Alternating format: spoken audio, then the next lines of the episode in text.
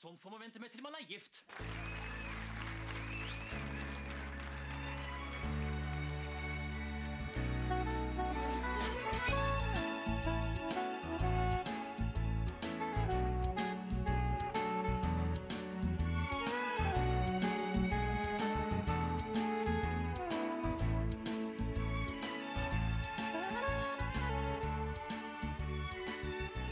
Hallo og velkommen til en ny episode av Norsk film filmpodkast. Podkasten hvor vi ser norsk film med et kritisk, men kjærlig blikk. Mitt navn er Emil. Jeg sitter her som alltid med. Stefan heter jeg. Og i dag har vi sett en film som vi egentlig har utsatt ganske lenge. Altså Den podkasten her starta jo, for å gi et litt sånn historisk eh, tilbakeblikk, med at Stefan og jeg en kveld satt og satte opp en liste over norske filmer som har vært interessant å gjøre en podkast om på et uh, notatark. Vi satt ute på byen og skrev den lista. På Habitat, tror jeg, i Trondheim. Hei, Habitat! Habitat i Trondheim, der vi begge bodde før. Og blant de filmene jeg tror vi kom på først, var den filmen vi har sett i dag. Eh, hvilken er den, eh, Stefan? Bare Bea, og den er regissert av Er det Peter Ness? Peter Ness? Peter Ness. Kom igjen, fortell mer, da. Fra Göteborg. Hæ? I Sverige? Men du ble forelska? Har du blitt pult av svenske? Skjerp deg. Da.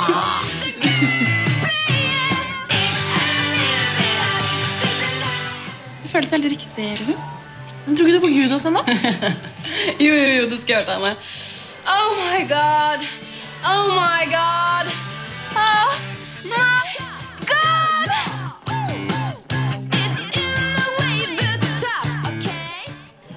Men du, ble du forelska, eller?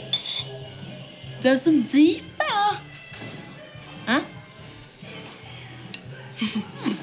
Nei, det der gjør du ikke. Ikke? Nei.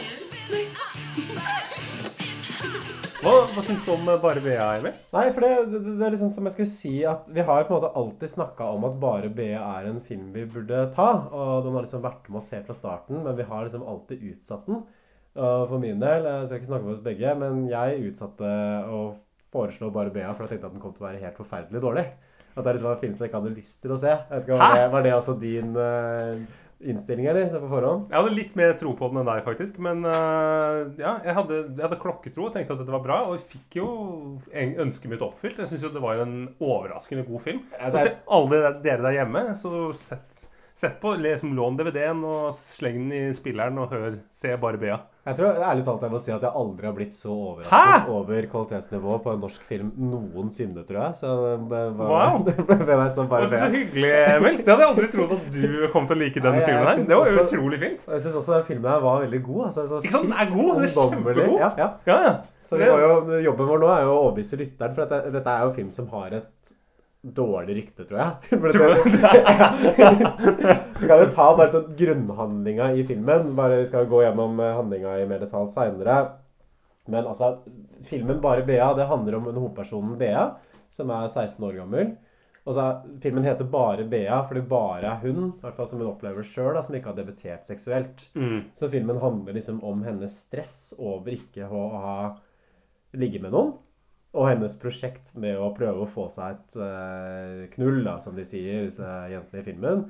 Og det er på en måte hele Det, er, det er på en måte hele historien i filmen. Det handler om at hun skal debutere seksuelt. Mm. Og han er regissert av Petter Ness, som også har regissert uh, filmer som Elling. Ikke naken har han regissert. Ja, Som er en ganske sånn interessant regissør, egentlig. Vi snakker liksom om filmhåndverkere i Norge, så Petter Ness må jo være en av de fremste håndverkerne vi har. For han har en helt sånn usynlig stil. Jeg syns det er ingen likhetstrekk sånn filmatisk mellom Elling og bare BA i det hele tatt. Tenker du det er litt sånn som en sånn snekker som bare setter opp sånn gipsplater i sånn næringsbygg, eller en elektriker som bare trekker sånn ledninger i store kjøpesenter? At du på en måte du, du tenker liksom Du tenker ikke over at her er det Slåbodan eller Pål Einar som er verdt? Nei, Det er liksom en snekker som kan lage hvilket møbel du vil. Jeg kan både liksom snekre sånn der minimalistisk skandinavisk møbel, man kan også lage liksom en sånn barokk men garderobeskap. det, høres ut som en- det er jo en fantastisk god snekker. Han vil jo vinne priser både liksom på Ja. møbelmessen i Frankfurt og Köln. Jeg synes jo Elling og bare Bea har kanskje det til felles at de er veldig kompetent utført, Mm. begge to. At de er liksom, det, det er sånn godt filmhåndverk, men Petter Ness som regissør han har liksom ikke, i hvert fall ikke så vidt jeg kan få øye på, noe sånn bestemt stil, noe sånn visjon Hva vil han sånn si? Hva vil Petter Ness si, egentlig? Nei, si det. Som gjerne så tenker man jo liksom at de beste regissørene er liksom de som har en veldig sånn tydelig look, da. At du kan kjenne igjen når du ser en Tarantino-film, f.eks., eller en film av David Lynch. Uten at det nødvendigvis er verdens beste regissører. Eller Bent Hamer, for å ta et Nå, norsk eh, jeg, velger, jeg velger mine referanser med omhu for at jeg ikke har lyst til å bli slått ned på for å være en snobb av Stefan. Du kan si som en norsk regissør som Joachim Trier, da, for eksempel. Sånn der, si hva du vil om Joachim Trier, men når du ser en Joachim Trier-film, så veit du at det er en Joachim Trier-film du ser. Men du vet at det er han som sitter bak spakene og i regissørstolen der og følger med? Ja, nettopp fordi at han har et sånn der umiskjennelig formspråk. Mm. Han har utvikla en stil som er hans. Og gjerne så tenker man at det er liksom målet for alle regissører. Hitchcock, David Lynch? At de, de har sånne filmer som er veldig sånn distinkte dem. Og du kan ikke ta feil av en film av disse regissørene og sammenblande det med en annen regissør. Petter Næss er jo helt sånn motsatt. Uh, Ja, det er på en måte Det er litt som uh, Det er litt som eh, Kurt Nilsen og Asle Beck, for å dra en uh, hvor, hvor kanskje Petter Næss er en Asle Beck. mm. Fordi det er alle dere som ikke vet hvem Asle Beck er, så kan du søke han opp på Spotify. Han har en sånn sang som heter Skur 45. Nei, men det er jo én ting som kanskje ikke er til Petter Ness sin fordel akkurat med bare BE, er jo at det er litt sånn rart med en sånn 50 år gammel mann som lager en film om et sånt tema. Og filmen har på en måte en så klein handling og så kleint premiss. Så jeg har alltid tenkt det som Jeg så ikke den filmen da den kom. Jeg vet ikke om du gjorde det, Stefan? Men Jo, alltid jeg så den tenkte liksom, fra starten at det er, denne, filmen her må jo være helt sånn kriseflau å se nå i 2022. Men så feil kan man ta. Ja, tenk det. Det kan jo, eh, Premisset her er jo Det er jo eh, fire jenter i en gjeng, jentegjeng. Eh, bare Bea er en av dem. Bea er eh, litt sånn interessert i litteratur. Litt sånn tenkende type. Veldig sarkastisk. Ja. Og, og drømmer om å bli forfatter. Og søker seg også inn på en sånn forfatterskole i Canada. Eh, så har du Sara, som eh, er kanskje den svakeste av de jentene. Er det hun blonde, eller er det hun som er veldig lite med? Hun som er veldig lite med, som på en måte portretteres som litt sånn slutty. Ja, men du, har jo en blonde som på en måte er Men er det, er det Mia? Det, Det er kanskje? Mia. Ja, for er, hun er den som jeg opplever som mest sånn promiskuøs av dem. Ja. Hun er kanskje den viktigste hovedpersonen, bortsett fra Bea, da, disse mennene til Bea. Hun er liksom frampå type som uh, vil liksom være blant de kule, selv om den gjengen kanskje ikke er de kuleste likevel. Og så har du Anniken, som er fjerde karakteren, som også er litt sånn ikke-karakter. Jeg, jeg føler egentlig at det kun er Bea og Mia av disse to. Eller, Anniken er jo litt sånn. Anniken er litt sånn flinkis-type. På en måte Får litt sånn der foldeskjørt og den, den typen der. Føler at du går liksom øh, i, er i pinsemenigheten eller noe sånt. Og det som er med akkurat den venninnegjengen her, er at jeg er ekstremt sexfikserte, og at jeg er veldig, veldig opptatt av når de andre debuterer seksuelt. Ja. Og hver gang eh, en av dem eh, debuterer, så drar de på et bakeri, og så spiser de liksom en sånn rosa marsipankake for å feire og markere at den ene har mista jomfrudommen. Så de er veldig, veldig opptatt av sex. Og det konditoriet det er liksom en sånn veldig sånn 2003-stil med sånne rare spotter og litt sånne lodne velurmøbler og sånn. Litt sånn som du kan se for deg bare blåbær i Trondheim, eller, eller Tullins kafé liksom eh, i Pilestredet der. Ja, det ser hyggelig ut der, altså. Jeg synes det, jeg synes det er litt sånn rotete og stygt. det. Ikke helt min, eh, min stil. Men du kan gjerne vanke der. Så kan jeg vanke på sånn kulere sted isteden. Anniken skulle jo vente. Hun skulle være 30 gift og ha tre unger hun før hun gjorde det. Og så reiser hun til Sverige og knuller. Bare sånn by the way.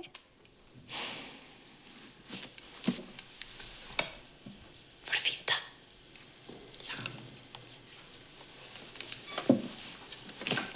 Kanskje det hviler en forbannelse over meg. Hun har gjort det. Og hun. Og hun. Hun har gjort det med Lisa. Ferdig. Mia var marsipankake nummer én. Hun er alltid den første. Klinte sikkert i barnehagen.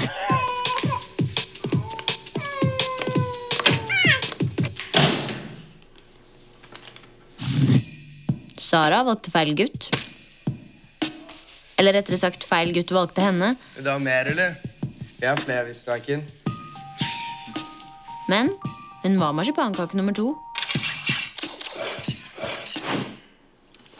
Hvorfor ble det sånn? Jeg er jo ikke anti. Stort sett tenker jeg bare på sex. Lurer på åssen hun høres ut. Så det er, eh, som vi har vært inne på, så er jo på en måte premisset her at Bea er den siste i vennegjengen som ikke har ligget med noen. Og hun har en sånn voiceover som går igjen gjennom filmen, som skal vel være en slags der tekster som hun skriver til eh, en sånn skoleavis på nett. Blekka på nett, som det heter. Som er Å, ja. der, hvor hun har en slags sånn blogg og skriver veldig sånn åpent og fritt da, om både sin egen seksuelle frustrasjon, men også det venninnene hold- hennes holder på med. Altså, det står sånn Jeg skulle ønske at um, Ja, der, eh, der står den. Den siste marsipankaken. Kanskje den står der så lenge at den går ut på dato. Ja, nettopp, ja. Og hun veldig sånn veldig litterært, fint språk. Uh, veldig, veldig morsomt, da. Og det, der syns jeg er litt sånn plotthull i filmen. For Ja. hun Bea Det må vel være lov å si at hun er en ganske pen jente? Ja. Eller er det, kan, kan jeg si det? Eller? Kan man si det om Er det greit om jeg er 15-16 år gamle jenter? Hun er, hun, er spilt, hun er spilt av Kaja Foss, og hun var født i 1987, vet jeg. Filmen kom ut i 2004. Oh, ja, nei, nei, Så nei. da var hun 17 Nei, nei, nei. Du er jo eldre enn deg. Er eldre enn meg enn det jeg var. Da jeg, så, men jeg, tror, jeg tror filmen, filmen vil at vi skal tenke at hun er liksom en, en søt, liksom vanlig jente. Og, Føler du at du roter deg inn på sånn feil galei Ja, nå? er jeg på tynn is. Men i hvert fall poenget mitt er at hun skriver liksom i denne skoleavisa som Mm. ligger ute på nettet, om at hun egentlig har så mye angst og ikke har debutert seksuelt. Mm. Så at det ikke er noen gutter i glasset som leser den bloggen og liksom tar liksom kontakt og stiller seg i kø, det lurer jeg litt på hvorfor ikke skjer, da. Nei. Ja, det syns jeg også. Det, det, det, altså, jeg, jeg tror ikke jeg hadde, jeg hadde slitt på den skolen der, for å si det sånn. Det er jo mange liksom lite kjekke, kjekke gutter der.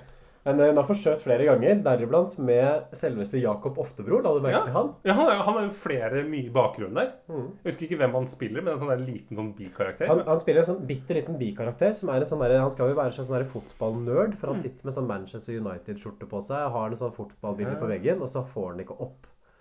Han Ja, sier det det. 'du er fin, men det skjer ikke noe der nede'.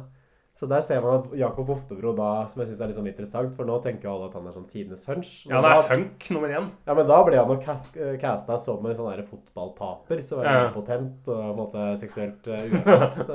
Han Falt for mye på penisen sin mens han har spilt fotball. mm. Nei, eh, ja, og det er iallfall denne, denne gjengen her. Og det, det, som, det som også er veldig fascinerende her, er jo at dette er jo en, dette er jo en Sandvika-skildring. Altså en Bærums-skildring. Det er jo en av få norske filmer som er det. Det gjør ikke noe stort poeng ut av det, men du ser at det er filma i Sandvika. Ja, for det er det, altså. Jeg, Ja, ja. jeg kjente ikke, gikk igjen det. Jeg har vært litt på Sandvika, faktisk. Oi, men, uh, på Storsenteret der, eller? På Storsenteret, Oi, selvfølgelig. Har du kjøpt deg på en måte sånn uh, ny deo og parfyme og greier? Eller? Jeg har kjøpt mye. Det er vel Norges største kjøpesenter, tror jeg. Sandvika Storsenter nå. Ja, er det det? Er det ikke gått Krokstadelva har gått forbi, eller eh, Kvadrat i Ja, det, er, Sandnes? det er mulig, men jeg husker at de bygde ut, og da fikk det i hvert fall det der. Da, sto liksom utafor Norges største kjøpesenter. Som jeg syns var litt sånn rart, for er det, sånn, er et sånn kvalitetstegn ved et kjøpesenter at det er så stort? Man har ikke lyst til å gå rundt på et sånn der gigantisk kjøpesenter. Det vil jo gjerne at kjøpesenteret skal være sånn lite, så det er kort vei til alt. Ja, og at samtidig at du har alle butikkene innafor. Samla på kort. Ja. Det er jo ikke noe bra det der kjøpesenteret er stort. Nei, for det er sånn bare fem Narvesen-kiosker istedenfor én. Og måte butikkene har liksom fem paller med dassruller istedenfor én dassrull. Jeg tenker Det er jo det er egentlig bare negativt. Men det jeg, det jeg ble slått av liksom i starten her, er ikke nødvendigvis sånn Sandvika-skildringa, men kanskje mer den der ungdomsfilmstemninga, da. ikke sant? Og, og det kan jeg jo si sånn der at sånn, Hvis du ser bare på hvordan filmen ser ut, sånn fargebruk Ja. og sånn, så syns jeg den ganske sånn TV-serieaktig Den ser ja, er- det, det er det, er. Lyssettingen og sånn, det er liksom forholdsvis sånn grelt. Ja. Men der jeg syns det henter seg inn igjen, er liksom jobben de har gjort med klippen og bruken av musikk. Mm. At det er et veldig bra soundtrack, syns jeg, av Surferosa. Så Surferosa har liksom lagd alle låtene til filmen. Passer utrolig godt. Ja, sånn energisk sånn der ungdommelig postpunk, eller ikke postpunk, men poppunk, Mm. som går gjennom filmen. Som jeg synes fungerer bra. Og så er det også en del sånne kule grep, at kameraet går liksom på skakke iblant. Det er sånn kjapp klipping, god bruk av voiceover, så den flyter veldig lett, altså. Og så syns jeg det er veldig fint med de der scenene som de klipper inn, hvor, liksom, hvor de prøver, hvor de stopper opp litt i handlingen. Så klipper de inn f.eks. noe med at uh, et lite klipp om, med voiceoveren til Bea, og så sier hun noe, og så ser du liksom henne som liten med noe som prøver å få to sauer til å pule, f.eks. Ja, for det, det, det er jo sånn viktig greie for henne, for det også er jo veldig Jeg sexfiksert. har jo vært opptatt av sex hele livet. Ja, kanskje den mest sexfikserte i den gjengen Ja. hennes, sånn til og med. Fordi man får jo inntrykk av at særlig hun Mia, da, som er den andre sånn mest sånn seksuelt erfarne jenta Jeg får inntrykk av at hun kanskje bruker sex mer som et sånn sosialt virkemiddel for å komme seg inn i det kule miljøet Ja. og bli invitert på fest og sånn. Man er ikke så Mens- opptatt av selve sexen. Nei, jeg tror ikke hun er så opptatt av selve akten. Mens Bea virker som er veldig opptatt av bare det å knulle. Det er liksom Mm. det som er poenget henne for henne, den fysiske akten. som jeg egentlig liker litt godt. Og det føler jeg at filmen framstiller veldig sånn ærlig og tydelig heller. For det handler ikke om at hun skal finne kjærligheten, egentlig. For det gjør hun jo aldri. Nei, nei, nei. Det handler om at hun skal debutere seksuelt og liksom frigjøre sin egen kvinnelighet gjennom det. da. Og det, for det, det har vært veldig lett liksom med en sånn type film at moralen til slutt Ja. hadde blitt Ja, det var ikke sexen som var så farlig, egentlig. Hvorfor var jeg så opptatt av å miste jomfrudommen? Jeg lette jo egentlig bare etter den rette gutten. Og han skal selvfølgelig ha barn og få og rekkehus med. med ja, det, Oppi det, liksom på Rykken eller liksom et eller annet Bærums Verk. det, det, det er helt det motsatte av det som skjer. da, ikke sant? Det handler Ja. bare om sånn knulling, knulling, knulling. ikke sant? Det er det Og så skal vi realisere seg selv når knullingen er ferdig. Ja. Men eh, ja, vi kan, jo, vi kan jo gå litt videre i handlingen, for hva er det, hva, hva er det liksom som skjer her? Det er jo ikke Det er vel to liksom, sentrale hendelser som igangsetter plottet her. At Den første er at Bea får ideen om å skrive en novelle, som i likhet med den derre blekka på nett-innleggene hennes også bare skal handle om hennes egen jomfrudom, egentlig. Novella skal hete Den siste. Og så søker hun stipend for å begynne på en skriveskole i Canada. Og så er det andre hovedlinja her at det er en skoleavslutning hvor rektor holder tale, og så er det ingen som følger med. Alle kidsa sitter på telefonen og snakker seg imellom, selvfølgelig. knaster og spiller Snake på Nokiaene sine. Men så kommer elevrådspresidenten på scenen. Og da Han er veldig morsom, fordi han tar liksom uh, mikrofonen helt sånn bort i et hjørne. sånn at det blir sånn, uh, kommer sånn sånn pip, sånn knaking som sånn du gjør i mikrofoner. Alle bare snur seg opp. Og du skjønner at han han er sånn moro, moromann. Han er sånn pannebånd eller bandana eller noe sånt drit. Litt sånn halvlangt, lyst hår. Eh, liksom Veldig sånn Bærums klysekjekk. han er, han er spilt av Espen Kloiman Høyner. Ja, det, det, er liksom, det er nok. Det Det, er Espen Kloiman Høyner som er i sånn switch-modus. Ikke, Ja. ikke reprise-Espen Kloiman Høyner. Hva får her? Ikke den er- tenkeren. Ja. Nei, ikke tenkeren. Nei, dette her er liksom skolens tank, skolens alfa. En sånn blond Bærumsgutt, rett og slett. Som kanskje ikke er så veldig intelligent, og kanskje ikke har hatt så veldig mye motstand i livet. Nei. Men eh, hva, hva syns du om den karakteren der er sånn jevnt over? Hvordan skal vi beskrive han? Eh, han, nei, jo, du har jo gjort det allerede. Han er liksom en veldig overfladisk fyr. Og du skjønner jo at eh, han, han forsto ikke ironi eller humor. Så når Bea prøver å være sarkastisk, så tar han ikke det. Han tar alt helt sånn ramme alvor. Og veldig liksom opptatt av hvis noen søler i bilen hans, eller noe sånt, veldig opptatt av liksom å, å, å måte, Han passer veldig godt på tingene sine. da. Han er litt uh, eiersjuk, ja. Ja, litt, ja han er veldig eiersjuk, og litt sånn prippen kanskje også. Men, men i alle fall så er det i hvert fall uh, uh, Bea hun må jo dra, for hun skal jo på sånn intervju på skriveskolen. Og da må hun gå ja. Og da må hun gå- midt i talen. midt i talen hans. Og da, da stopper han opp, og så spør han liksom med mikrofonen sånn Hvor er det du skal, Bea?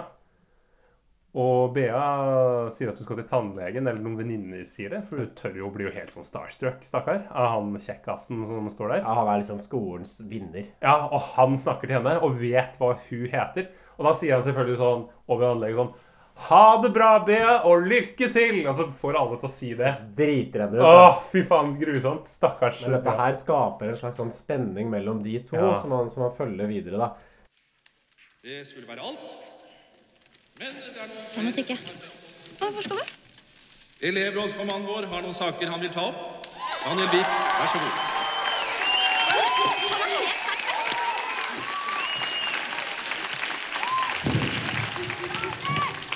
Hallo!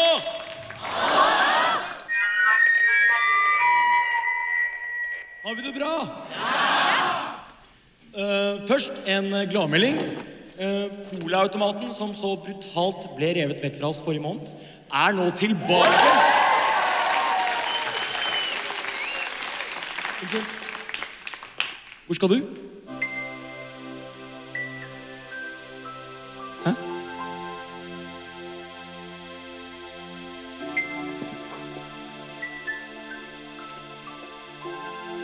Skal til tannlegen. Til Tannlegen?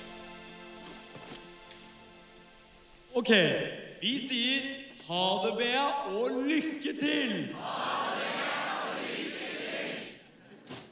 Men det, jeg syns den audition-scenen også er ganske morsom, egentlig. Ja, ja. Hun leser opp teksten foran to jurymedlemmer. Og hun klarer ikke å følge med på intervjuet, for hun bare sitter og tenker på Espen eh, Kloimann Høyner. Da. hvem, hvem er han fyren? For det er noe kjent med han ene fyren som i eh, den juryen. Vet du hvem det er? Jeg tror ikke kjent på han. Jeg kanskje, tenkte kanskje det var en forfatter eller noe sånt. Ja, kanskje det. En cameo. Ja. Jeg lurer på hvem det er. Prøv å Til alle der hjemme som har sett filmen og vet hvem det er, så bare send inn. Eller hvis du sitter og hører på, du er en eldre mann i 50-åra, med grått hår som er på Universitetet i Oslo, bare ta kontakt. Jeg så dem i ringe i rulleteksten, for da var det liksom titulert begge to som stipendiatintervjuer eller stipendiatmennesker eller noe sånt. men De må jo være mer stipendiater. De er jo doktor filol og førsteamanuensis eh, magicum der. Jeg vet ikke helt metodene deres, for de kjører en slags sånn assosiasjonslek med BA. At de sier liksom sånn Ja, nå skal vi si et ord, skal du si det første du tenker på. Sånn, Gjør man det på auditions for sånn skriveskoler? Kjører sånn Rorschach-test, liksom, for å sjekke liksom hvor litterære Er det det det heter? Er det Rorschach-test? Ja, det, det er det når man viser folk Man har sånn blekkesøl på et papir, og så viser man det til folk og skal si sånn Hva er det du ser her? Og så er det liksom bare helt abstrakt. Så det du ser, det sier liksom noe om din syke, da. Hvis du ser bare blomster og regnbuer, så er det på en måte en glad lystefyr. Hvis du ser at der er et lik, og der er død og fordervelse Litt sånn som og deg. Uh... Som jeg veldig svart, da er du på en måte deprimert. Så poenget med sånn Rorschach-test at du skal avsløre din egen syke. Da, ikke sant? Hva Ja. du assosierer med ting. Så hun, når, når eh, han fyren gamlingsen sier skole, og hun sier sex Ja, Hva sier er, han det, det, det, det sier at hun tenker på sex. Så hun svarer jo svarer bare sex på hvert spørsmål og dummer seg litt ut.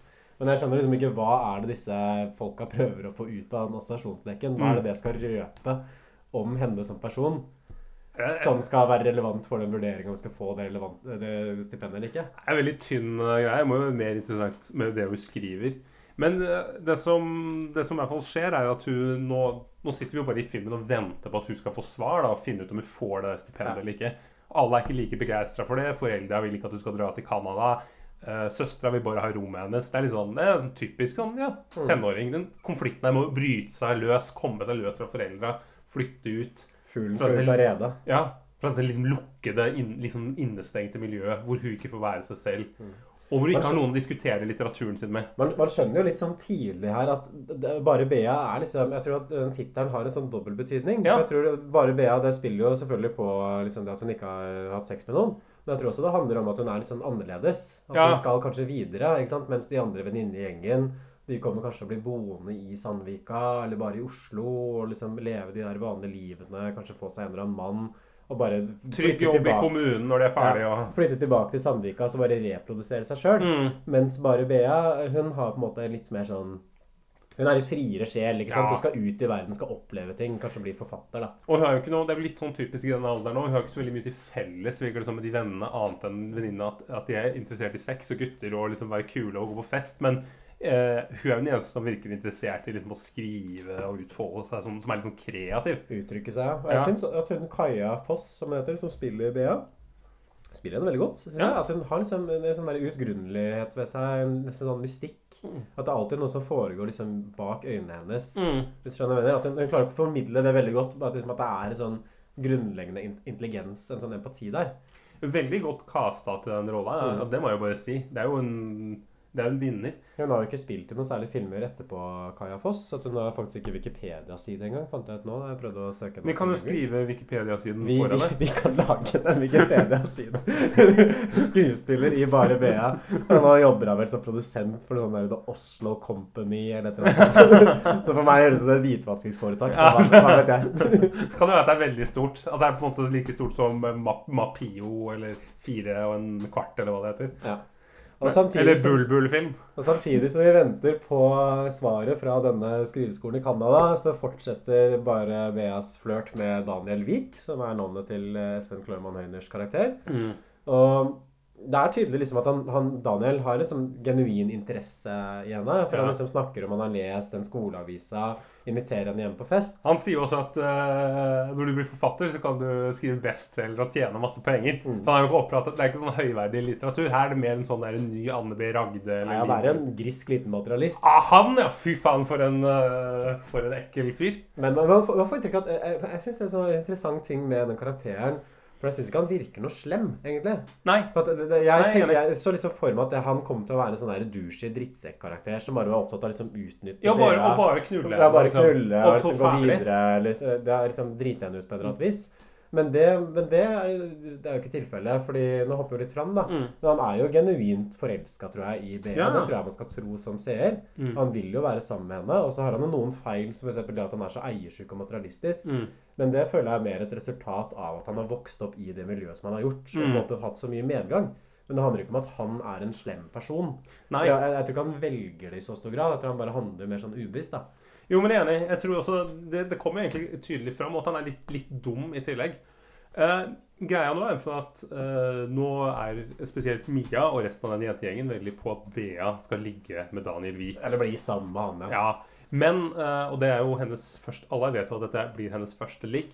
Og før hun skal ligge med Daniel Wiik, så er det jo kanskje greit å prøve seg med noen andre først, sånn at du får det der mislykkede eh, ligget først. Det, hun sier vel veldig bra, hun eh, Mia, at eh, Hva er det? At Første gang skal gjøres og glemmes, Ja. sier hun seg. Det er godt sagt. Som tar på seg sånn rollen som en sånn Kris Kirsten Knullekniv. Liksom, spleise, spleise Bea med fetteren hennes, er det vel? Eller Nei, av broren, eller et eller annet sånn, sånn liksom random type. Og dette er jo da liksom det, Hun har jo, har jo en eller annen fyr på lager, og han kjører rundt på en sånn trehjula moped. Har gått på landbrukshøyskole.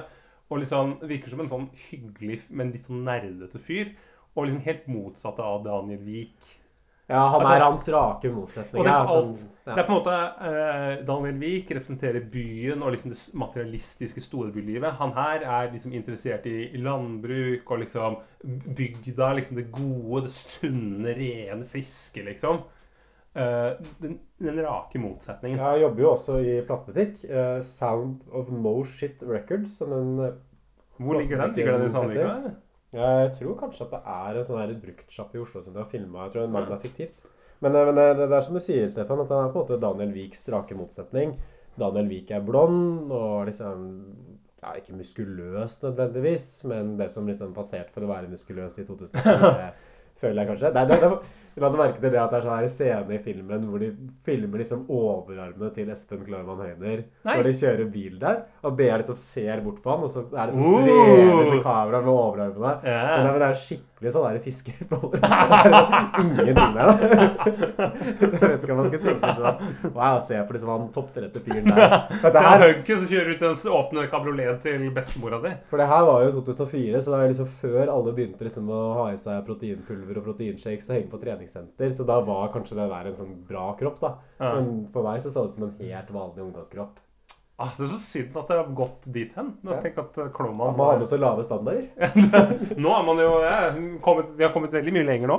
Han andre er jo mer bare en sånn er Også sånn fitt og helt grei. Det er jo på en måte pene menn, begge to. Bondetamp. Ja, men han er en kjekk fyr. Jeg synes han er jo ikke noen, Det er ikke noe sånn, det er litt sånn som Ugly Betty. At de, måtte, de har jo de har jo funnet en, en over gjennomsnittet pen fyr. Han ser jo Ja. ikke ut som noe sånn Har ikke dratt han inn fra gata tilfeldig. Så planen er liksom at Bea skal ligge med han bonde- bondetampen for å gjøre seg klar til Daniel Vik. Og det er viktig at det skjer før den 14., fordi da skal Bea til Daniel på fest, og da tenker jeg at da skal de ligge sammen der.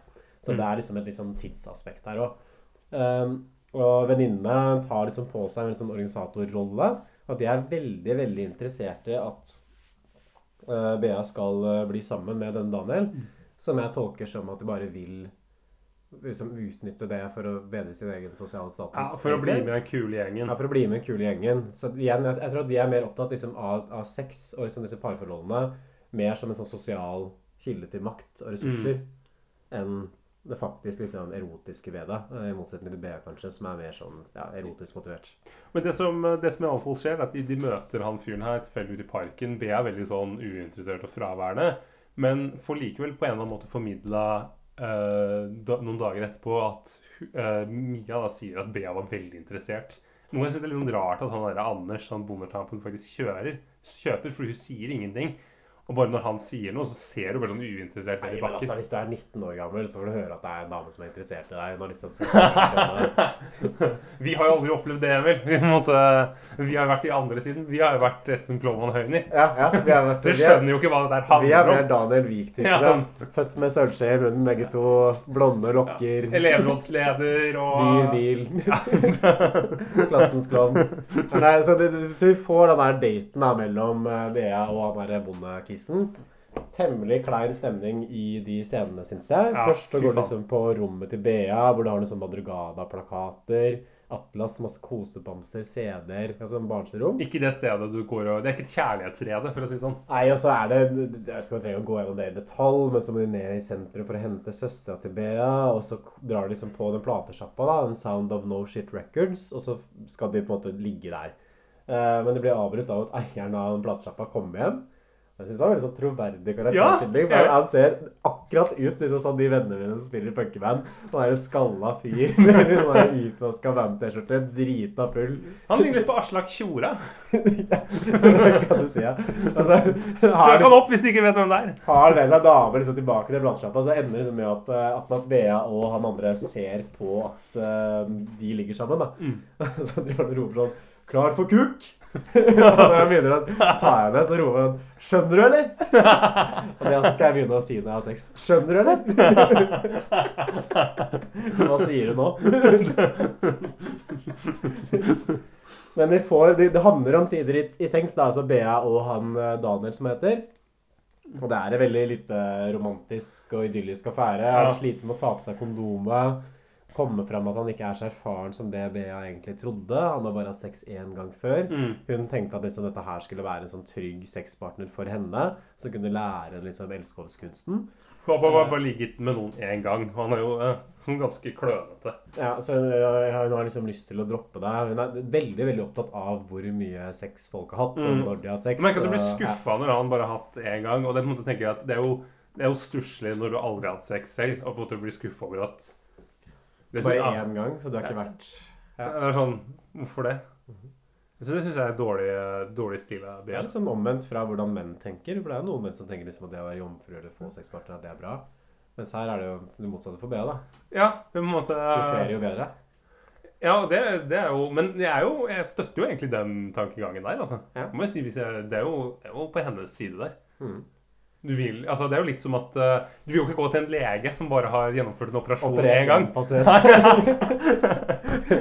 Det er en lege som har eh, operert hundrevis eller tusenvis av pasienter. Ja, Litt sånn Rune Rudberg, på en måte. Det er jo, det er jo ide idealet. Men de ender i hvert fall opp med å ligge sammen likevel. da, så, Og Bea setter seg oppå ham. Det er en ganske sånn eksplisitt sexscene her, syns jeg for så vidt. Men som også synes jeg er gjort på en god måte. da. Men jeg tror det at hun setter seg oppå den Daniel, skal på en måte signalisere at hun tar styringa. da. Mm. Det er hun som er sjefen, liksom. Det er hun som fører han i denne erotiske dansen som kaller livet. Du er så poetisk, Emil. Jeg blir poetisk når jeg ser uh, filmer som dette. Like poetisk som Bea. Jeg blir poetisk som Bea. Kanskje kanskje jeg, skal søke forfatter som kan kanskje jeg skal skrive litt i blekka på nett. Og etter dette her, da får vi en, det som jeg syns var en veldig rar scene. Fordi Jeg vet ikke om du la merke til dette her, Stefan, men man, det, kanskje foreldrene kommer hjem, og så finner de Ja. henne i For hun lå med han fyren i foreldrenes seng. Og så får vi en sånn scene hvor faren bærer liksom Bea gjennom leiligheta. Og så går det sånn slow motion. Og han bærer henne liksom som en brannmann på en måte bærer Ja. en kvinne ut fra et brennende hus. Liksom bare holder henne i armene sine. Og det lurte jeg veldig på. Sånn, hva skal det her bety? At hun liksom ble båret rundt av faren sin etter å ha mista jomfrudommen til en annen mann. Altså på en måte et lite barn At hun Ja, fortsatt er et lite barn? ja, at hun fortsatt er liksom Tross alt, husk at det er et barn hun har å gjøre. Hun er bare 16 år. Ja, jeg skjønte ikke Hun helt er den skjør. Ja, den, den framstår som litt sånn off. liksom, Ja. Akkurat det øyeblikket der. Og med den veldig sånn slow-mo-greiene. Det som skjer nå, er jo at eh, for Beas del så er dette, var jo dette bare et ledd i å få ligge med Daniel Vik. Men Anders, bondetampen, han eh, er, har jo fått utvikla følelser for Bea og er jo interessert i noe mer. Han er jo interessert i kjærlighet, ikke bare sex. Så man skjønner jo kanskje litt hvor det er på veien. Og det, det, det syns jeg på en måte at filmen unngår litt det der treige midtpartiet og sluttpartiet som jeg syns skjemmer nesten alle de Mm. filmene jeg har sett. For den, den, den har ganske sånn kjapp eh, rytme her. Og går veldig fort fram til denne festen. Og igjen så syns jeg det er sånn til filmens fordel at den forsøker liksom ikke å lure seeren til å tro at det er noe mer enn noe fysisk mellom Daniel Wiik og Bea. Og det er veldig At bra at de ikke ingen tar som helst connection eller noe å snakke om. At det, ja. Ja, fordi de er, de, er, de er helt forskjellige. Bea spiller jo av en løgn om at hun er grisebonde. Eller liksom er interessert i å bli grisebonde. Bare for liksom å, å please Daniel Eller han øh, bonde, Han Andreas. Ja. Anders. Eh, så det er jo det er åpenbart, de har ingenting til felles. Og det, det er ikke noe, noe framtid her. Og det er veldig deilig. De har ikke tatt mo- moralismehatten på. De har, liksom, de har heller tatt, tatt den av og liksom slengt den i et hjørne og, måte, og, og kjører den litt mer sånn troverdig stil. da. Ja, altså, jeg tror liksom problemet med Daniel Wiik-karakteren fordi igjen da, I veldig mange filmer så vil de liksom ha satt det opp som at dette er valget mellom det gode og det onde. Ja, liksom. ja. liksom. Daniel Wiik er den ondskapsfulle sossen som er populær, men han er egentlig liksom en tyrann. Mm. Mens uh, han bonden, uh, Andreas ekte, han representerer det ekte. Ja, han representerer jordnære, liksom, og det som egentlig er bra. Ikke sant? Selv om Mm. samfunnet på en måte ikke anerkjenner han i like stor grad.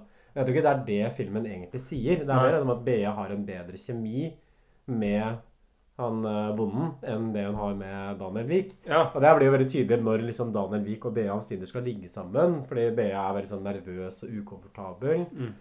Jeg, jeg, jeg skjønte ikke helt sånn hva som skjedde der, men hun får sånn vondt når han skal penetrere henne. Så de avbryter egentlig bare samleiet sånn umiddelbart. Ja, det blir litt sånn kleint, og hun, hun bestemmer seg for, for å gå fra festen. Ja, og da blir som Daniel Wiik sånn 'Jeg vil ha deg. Jeg forelska deg. Jeg vil ha deg. Vil ikke du ha meg?' Mm. Så igjen han er veldig opptatt av liksom eiendom. Og så gjør han en sånn stor greie ut at han skal gi henne halsbåndet sitt sånn foran alle. Ja, og da sier Bea bare sånn voff, voff. Ja, for hun, hun liker ikke det, liksom. Å bli, å bli kontrollert. Da, liksom bli eid. med Han skjønner, han skjønner ikke det. Nei, da. men- nei, nei, for det er rett slett det jeg tror ikke han forstår det. Nei, for det han, han tenker bare at dette er sånn det skal være. Ikke sant? Ja, Dette er sånn fint. menn- det er ikke det at han er så eiersjuk for at han er liksom sykelig sjalu eller Han sier sånn hadde, uh, hadde du gått, altså Når du holder på å gå, så sier han sånn Hadde du gått nå, så hadde jeg fulgt etter deg. Mhm. Han er Men- veldig men- men- eh, Jeg vil ha deg. Men jeg tror at han gjør det fordi at han tenker at det er det som Ja, er forventa. Som jeg syns er litt sånn smart i filmen også. Fordi det, det blir på en måte en litt mer sånn der samfunnskritikk. Mm. I stedet for at det bare handler om at han er en kjip fyr. Ja, for han er ikke sånn mo-ha-ha. Han er ikke Nei, en ond type. Han veit ikke bedre. Nei. Og nå begynner man å kanskje skjønne sånn greia, fordi konflikten her blir jo liksom Skal Bea velger liksom å følge hjertet, og bli sammen med, med den bonden som hun egentlig passer bedre overens med? Mhm. Eller skal hun på en måte bukke under for det sosiale presset og bli sammen med skolens kuleste, som alle liksom rundt henne, spesielt av venninnene, vil? Ja, og det er jo og eh, Vi får jo sånn scener hvor vi på en måte skjønner at det er jo ikke en, eh, det er jo ikke en veldig sympatisk person. Bea? Hun behandler jo han der eh, bonden som dritt. Det er jo en scene der som er helt grusom, hvor bonden kommer på besøk. Og han Når har de, når de sitter og drikker kaffe og røyker og sånn inne på, det, på kafeen? Nei, ja, å ja, det er nå, ja, men det er flere. Men det, det, er, det, er, to, det er to som er ille. Det er først den, der, den scenen hvor uh, bonden han har ringt masse, og så kommer han på døra. Og så sitter Bea og prater med han, og han, det er feirer navnedagen hennes. Hun og han de sitter liksom sammen med foreldra i hagen og spiser kake. Så hører Bea at det tuter på forsiden av huset. Løper ut. Der står Daniel Wiik. Hopper inn i kabrioleten hans, kjører av gårde og lar Ja, liksom Anders sitte aleine igjen med foreldra uten å si noen ting. Bare ditcher han. Hun ditcher på en sekk, ja. Ja, så han bare sitter der som sånn sekk med dritt, og alle, alle lurer på hvor BA har blitt av. Mm. Hun bare stikker. Ja, faen for en Det er Uansett, det, det er Jeg, jeg syns det var verre den der scenen på kafeen. Som sikkert skulle til nå. Ja, fordi scenen på kafeen er vel eh, Bea sitter med de kule vennene sine, og Daniel Wiik på kafeen. Så kommer han inn, og så Hva, hva skjer da? Hei. Hei.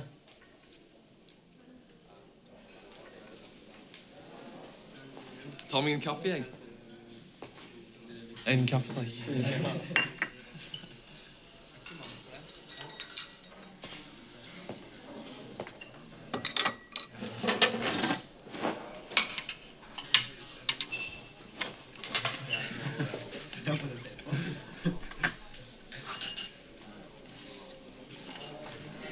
Ja, går det bra?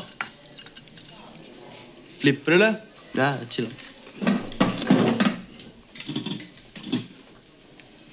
Har du lyst til å finne på noe etterpå, kanskje? Nei, jeg kan ikke.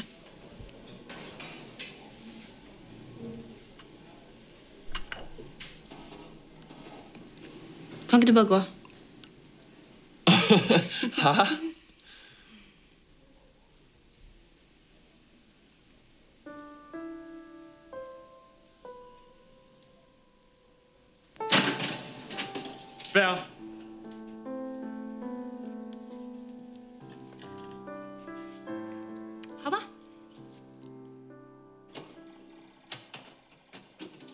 Nei, det, det, det, som skjer, er jo liksom at han tenker at ok, der er liksom hun jeg har ligget med, nå skal jeg liksom sette meg ned og slå av en prat. Så han henter en stol og bestiller kaffe, han også. Og så sier vel Bea til ham sånn Kan ikke du bare gå? Det ødelegger. Hun vil jo ikke at Daniel Wiik skal skjønne liksom at hun har en greie med han bonden òg. Ja, han taperen, liksom. Ja. Det, han er jo ikke så kul som Det er ødeleggende for henne.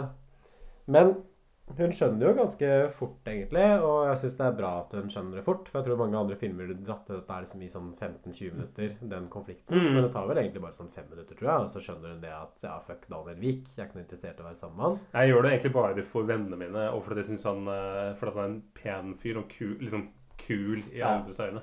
Og da havner hun liksom på kant med ikke bare med Daniel Wiik, men også med hun Mia, liksom hun venninna, som hun anklager for at liksom skal, du skal styre meg til alt. ikke sant? Du skal styre hvem jeg er sammen med, du skal styre hvem jeg ligger med. Og nå gidder jeg ikke mer, nå vil jeg heller gå min egen vei. Mm.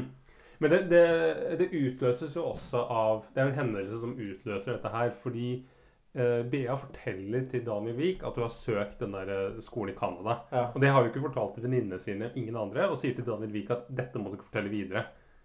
Hva er det første Daniel Wiik gjør? Nei, Han går og sier det videre, men jeg synes jeg liksom, det, det støtter jeg liksom Daniel Wiik. For hvorfor skal det gå rundt og holdes hemmelig? Ja, det vil plutselig bare, bare Bea borte, liksom. Ja. Bare Bea bare ah, Hvor er Bea blitt av? Nei, hun dro til Canada. Ja, hun ville blitt-. Jeg ville blitt sur hvis du hadde søkt på en sånn Ja. podcast-skole i Canada, og så hadde du ikke sagt noe til meg. Uh, for du plutselig bare informerer om at du har kommet inn på skole i Canada, så jeg flytter neste mandag. Så jeg, jeg støtter liksom Daniel Wiik der. Det er viktig liksom med gjennomsiktighet, syns jeg, i sosiale relasjoner. Og ærlighet. Så du er enig Du, du liker Du støtter Daniel Wiik? Nei, jeg syns ikke det er noe big deal at han sier det videre. Men han, han har jo, har jo gitt han, han, har gitt han, han har gitt han et løfte. Ja, men jeg syns det er en indikasjon liksom, på en viss sånn der, ja, mistillit da, hos Bea. Hvorfor er det et problem? Hvorfor skal, skal vi folk vite Men det er, det er jo ikke ordentlige venner, det her. Det er måte, de er jo ikke like ene. Og vi kommer jo til å, hvor mye kontakt kommer du til å ha med dem når du kommer til Canada en eller annen gang? Ja, det kan jo være at Bea rett og slett er en person som sliter med å knytte seg til folk. Og Det liksom virker vanskelig for å sånn. føle seg hjemme. For hun er jo litt sånn user og på sett og vis. Hun jeg bruker han Anders uh, for hva Ja, han er. Hun bruker Anders for å ha sex. Hun bruker venninna for å liksom sette opp den der spleisen. Hun bruker Daniel Wiik for å få prestisje. Mm. Heller ikke noe hun gjør bevisst. Så jeg kan jo kanskje tenke meg at hun flytter til Canada. Så blir hun liksom veldig sånn del av det miljøet der. Hun tar på seg en ny liksom maske. Nå som en sånn hipster. Kulturell Hun kanskje noen runde kulturell briller. hipster-type, men hun får liksom aldri helt sånn tilknytninga der. Kommer Ja. tilbake til Sandvika, kanskje finner tilbake til Daniel Wiik. For at hun framstår for meg som en litt sånn lite genuin person også Ja. innerst inne. Ja, jeg... Hun er som en løk, som Per Gynt. Er ikke noe kjerne. Oi, det var eh, Det er ganske skarpt. Er ikke jeg tenkt meg å se sånn bare BA2? Liksom, hvordan Ja. går det med BA? Jeg synes det er Fascinerende karakter. Ja, fordi, men det kan, jo, det kan vi jo snakke om uh, når vi er ferdig med oppsummeringen. For det syns jeg også er eh, Hvor er BA om ti år? Ja. er jo veldig spennende. For det, det, vi, vi er jo straks ferdig med oppsummeringen her, fordi det viser seg selvfølgelig at bare BA, kom, BA kommer inn på den skolen. Her er det liksom sånn fiffig filmatisk grep hvor Bea ser for seg ulike sånn framtidsscenarioer. Hun ser for seg seg selv som bonde, seg selv med familien. Og Med selv på, på den skriveskolen. Ja, liksom kult, kult sånn friskt eh, Veldig kjapt. Ja, mm, med liksom surferosa-musikken over. Mm. Ja, jeg syns filmen liksom generelt framstår som veldig sånn spontan og avslappa, men samtidig som ganske sånn original i formspråket sitt. Mm. Og hun takker da ja, og så filmen Du får bare arrestere meg hvis jeg går for fort fram, Stefan. Det er jo en del folk som går for fort fram i bare BA, kan man si. I, i senga, mener jeg. Jeg Det var ikke dum, Emil. jeg må ikke komme til klimakset for tidlig. Men, men filmen slutter med at Bea får et siste ligg med han bonden på dassen på Gardermoen. Mm. Og så får hun orgasme, og så klipper det liksom til flyet som letter, og da er hun på vei av gårde til Canada. Ja, bort vekk eh, alle Og så ser vi også alle venninnene med de liksom, kjærestene sine på Ja, hun, hun, hun finner sammen igjen med de venninnene liksom, og skværer opp. De blir venner. Og, og da, i mellomtida her så er det også en scene med, hvor hun skværer opp med Daniel Wiik. eh, eller nei, hun skværer opp med han eh, bonden. Ja, ja, Hvor de ja. klatrer opp i noen trær og hun Men det er, ikke, det er ikke så farlig akkurat det. da. Nei, det er ikke så Men det, det greit. Vi må, ha, vi må ha fakta på plass, tenker jeg. Det er, Men det- er jo en av de våre varemerker, en av våre kjerneverdier, er at, at fakta, det skal stemme. Ja, det skal være korrekt. Fakta framfor alt. Men det, men det jeg syns var så interessant med den slutten, da, ikke sant? For igjen at det slutter liksom at hun ligger med han eh, Andreas en siste gang på dass, og så stikker hun til Canada. For det er en veldig sånn antiromantisk komedieslutt. Fordi Mm. hvordan er det alle romantiske komedier slutter? ikke sant? Det er dama som skal, skal av gårde, og så kommer liksom mannen og så sier 'du må ikke dra, jeg elsker deg', jeg elsker deg. Og så blir dama med mannen igjen. Hjem. Sånn som i Buddy, for eksempel. Det er et klassisk eksempel på det. Skal jo egentlig Pia Tjelta ut på en sånn jordomseiling, og så overbeviser da Nicolai Klevebrok henne om å bli i Oslo da, med ham. Eller Mongoland, hvor uh, Pia Tjelta skal, på, skal ut i verden, men Kristian Christian uh, Kristoffer Joner. Joner kommer på, inn på flyet og liksom ja, Mm. avbryter. Ja. Mens her så Det er jo helt motsatt. Ja. De ligger sammen på dass, og hun får liksom orgasme også, som er første gangen hun får liksom i et samleie, i hvert fall, så vi vet. Og så drar hun. Ja, ferdig. Og, og når vi snakker om BA2, så tror ikke jeg vi kommer til å Hvis hun kommer tilbake så kommer, Vi kommer ikke til å ha noen kontakt med han Anders. Altså Nei det, er ganske, nei, det er ganske tydelig at det bare er en sånn fase for henne at det ikke ligger sånne dype følelser under. Men det er liksom til, til. Mm. filmens fordel, da, for det er jo mye mer radikalt, liksom, og liksom kult med en sånn type beskjed enn det som hadde vært liksom standardbeskjeden. I hvert fall med tanke på liksom filmens tematikk og målgruppe. Mm. For det de sier er liksom, det er greit å knulle litt rundt. Og utvikle seg sjøl gjennom det, men du må liksom leve ditt liv, og du kan ikke bry deg så mye liksom om de Så er det, sånn Det, er sånn beskjed som går, går liksom mot det man kanskje ville forventa fra en norsk film da, fra Mm. 2004, som ville vært mer sånn Ja, det er viktig at du sparer deg til den riktige, liksom. Og Ja, mer sånn Ja. moralistholdning som vi ofte Mm. Som er veldig typisk norsk film, Ja, egentlig. den er veldig sånn amoralsk. Ja. Den liksom setter jo Beas øh, Hva skal jeg si øh, Hennes liksom, interesser og lyster øverst. Ikke sant? Det som er bra for henne, er å gjøre det som hun vil. Mm. Og det hun vil, er å ligge litt rundt, og så stikke til Canada og starte et nytt liv der og komme seg bort fra Norge. Mm. Og det er det hun får. Og det var fortsatt den gangen at man dro til liksom, USA og Canada. Det liksom var det store utlandet. Det var kult å dra dit. Ja, I dag så har man kanskje dratt på sånn forfatterskole i Kina eller India, kanskje. Liksom der hvor det skjer. liksom. Forfatterskole i India, mener du? Tror du ikke? Eller sånn Malaysia eller Jeg Jeg dratt Asia, men hadde ikke dratt til, til USA nå. Liksom. Jeg, heller, jeg, jeg, jeg vil nok heller dratt til Canada enn til India, men Canada har jeg alltid tenkt på som et veldig sånn kjipt land som hvorfor skal du dra dit? Kjedelig. Liksom dra til Australia, liksom. Ja, skal du det dra er liksom de, de interessant valg av land. Hvorfor tror du du valgte akkurat Canada? Det, var, sant, det var det, var, da var det liksom kult liksom uh, over there. liksom, ikke the United States, men liksom sånn annen.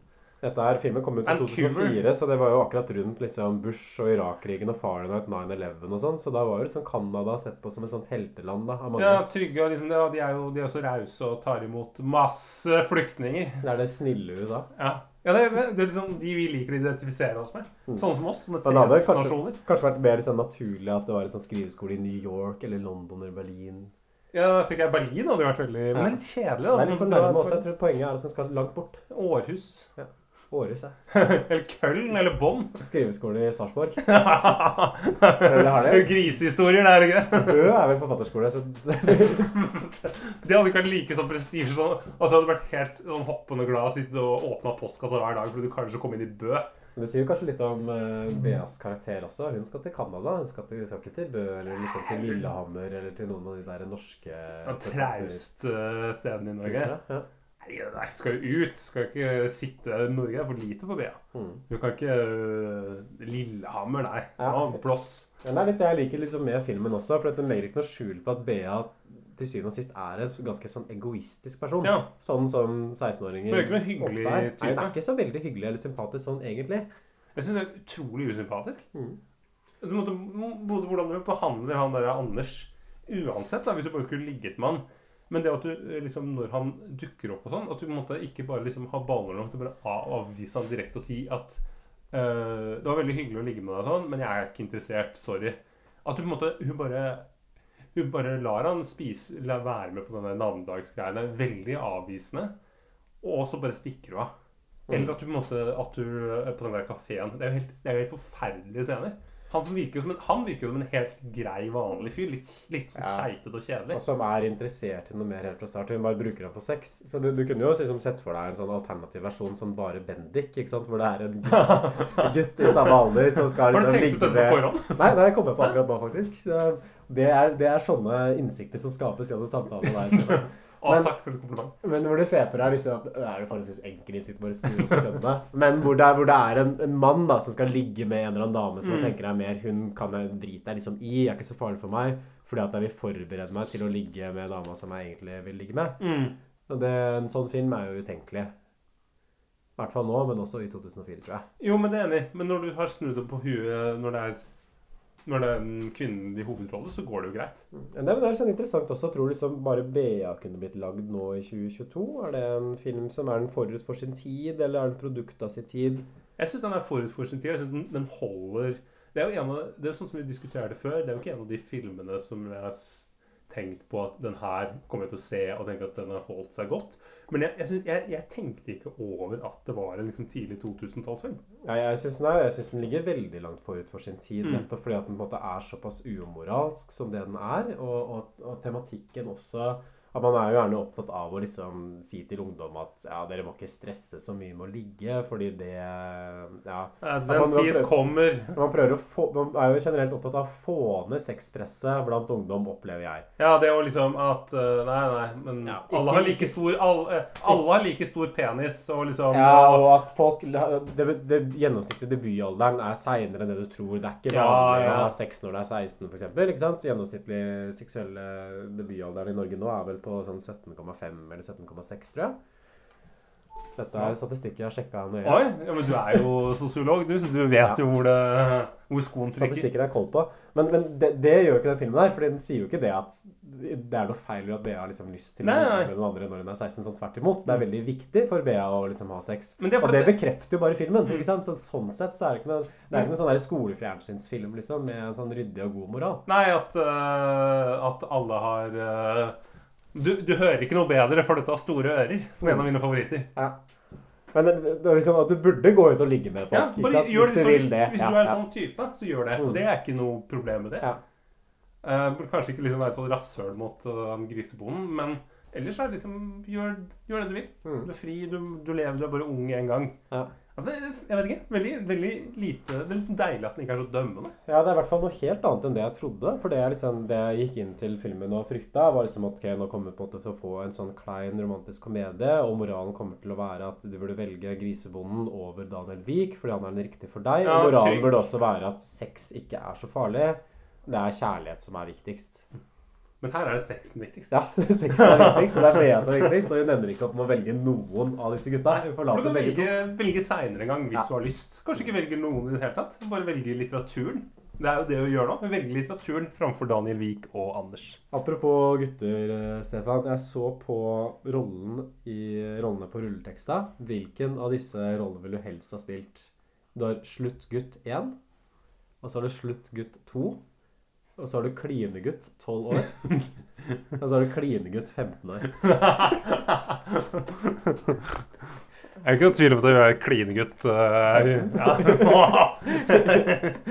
Mest action i den. Og det er kanskje vanskelig for deg å, å, å overbevise folk at du er tolvåring, men eh, hvis du hadde svikka deg veldig, veldig veldig tungt, så hadde det kanskje klart å passere som fått veldig sånn 15-åring. eh, Fått fjeset mitt til å se ut som en barnerumpe. Nei, hva tenker du? Skal vi oppsummere mm, tankene våre? Ja. eh, jeg Ja, jeg sier bare terningkast fem, jeg. Mm. Jeg syns den er uh, skarp, og det er uh, overraskende bra. Noe av, helt enig, noe av det beste vi har sett. Mm. Og jeg syns det er kanskje en, kanskje en av få filmer som kunne vært laget i dag. Jeg hadde ikke reagert på det i det hele tatt. Ja. Skal spille sjakk, Emil? Jeg ser, Emil har sånn PC foran seg. Sitter han og ser på sånn sitter sjakkbrett. scroller litt videre. Er det sjakkproblem, eller er eh, det- Slutten av, slutten av episoden. Men jeg, men jeg skal nok til samme karakter som deg, altså, altså til terningkast fem. Det, det som jeg syns var det dårligste i filmen, var det at BA Bea har en sånn lillesøster. Ja! hun lillesøstera skal liksom alltid komme inn og liksom forstyrre. Æsj! Når Bea bare har lyst til å være aleine. Så den karakteren der syns jeg var irriterende. Den kunne, du kunne jeg droppa. Det er en grunn til at vi ikke har nevnt den i det hele tatt. Mm. Og de foreldrene syns jeg er veldig sånn norsk film De er alltid, alltid foreldre i norsk film er veldig sånn keitete. I den Mm. perioden der. De er så ukule og liksom sånne tafatte typer. Så måte, du, bare, du skjønner at ja, ja, du skjønner at det liksom er 68-ere som har laget dette her. At måte, det er så stor avstand mellom barna og foreldre. Og jeg tror ikke det var så ekstremt for de aller fleste liksom tidlig på 2000-tallet. Men jeg, det er den det er denne her etterkrigsdimensjonen, liksom. Det er helt Det er en urealistisk. liksom 68-film på etterskudd. Ja. Litt sånn ungdomsopprør. Mm. Jeg syns jo også de, de mista en veldig stor sjanse der. For jeg tenker at faren ligna veldig på Kyrre Haugen Synes. Så jeg tenkte på Ja. Hvorfor er det ikke Sydnes som spiller den karakteren? Han er perfekt for han. Ja. Som en sånn intetsigende rolle. Nok en på lista for Du, eh, Hør her, Kyrre! I, I remaken, da må du jo prøve å få den rollen der. Og ha ti replikker. Tusen takk for fanmailen, Kyrre. Nei, så jeg, jeg, igjen så må jeg si at jeg, jeg tror jeg aldri har blitt så positivt overraska over denne film noensinne. At jeg forventa jeg forventet at det skulle være en ener. At jeg forventa at det skulle være noe av det dårligste vi har sett. Jeg husker vi så på et klipp på YouTube også. Det er en sånn scene hvor de sitter og Den Kamasutra hvor de er på Ah, skolen. den er forferdelig. Det har vi glemt. Den, den er klein. Og Stefan og jeg satt og så på den, og bare begge to ble sånn Åh, orker vi dette her liksom i 90 minutter? Men jeg kunne gjerne tatt 90 minutter til. Jeg. Ja. ved bare VA2. Jeg hadde sett den. Jeg håper virkelig at eh, Petter Ness kommer opp og lager en toer. Altså. Mm. Skal applaudere han og støtte han. Vi, vi i Norsk Film Filmpodkast skal, vi skal ta et ansvar og snakke om den filmen. Hvis du kommer med den, Petter. Og så til alle litt sånn der feministisk orienterte filmvitere der ute. Sånn der kanskje folk som tar Ah, mastergrad i filmvitenskap. Eh, Kvinner i film, ditten datten, feminisme Ja, men men, og En film som faktisk hadde vært interessant å ta opp i en sånn forbindelse, er jo Ja. denne. Den syns jeg liksom Det, det, er- det, er- det er god mat for en bæsjoppgave. Ja. Det er sånn Det er, god mat for eh, ikke Monsk, men kanskje Berit eller eh, Bertha eller uh, Linn Kari eller noe sånt. Seksualpolitikken i bare Bea. Ternekast, Emil. Jeg har sagt fem. Fem. Så ti til sammen. Gösta Gigolo, Gösta Gigolo Stadshotellets John Travolta. Knäna blir gelé när Gösta gör entré. Hjärtan börjar extra volta Han har ny parfym och ny vit kostym. Och han går med steg så stolta. Ifrån baren hörs stön, små förtjusta flickors bön. Åh, kom till mig, Travolta två Gösta jobbar på Dansar så att svetten sprutar. Tango, vals och bugg Gösta ler i mjugg Står på benen extra knutar. Håret står på kant På varenda tant När Gösta sista varvet voltar Folk går hem två mot två Men det bjuder Gösta på. För han är stans Travolta Åh Gösta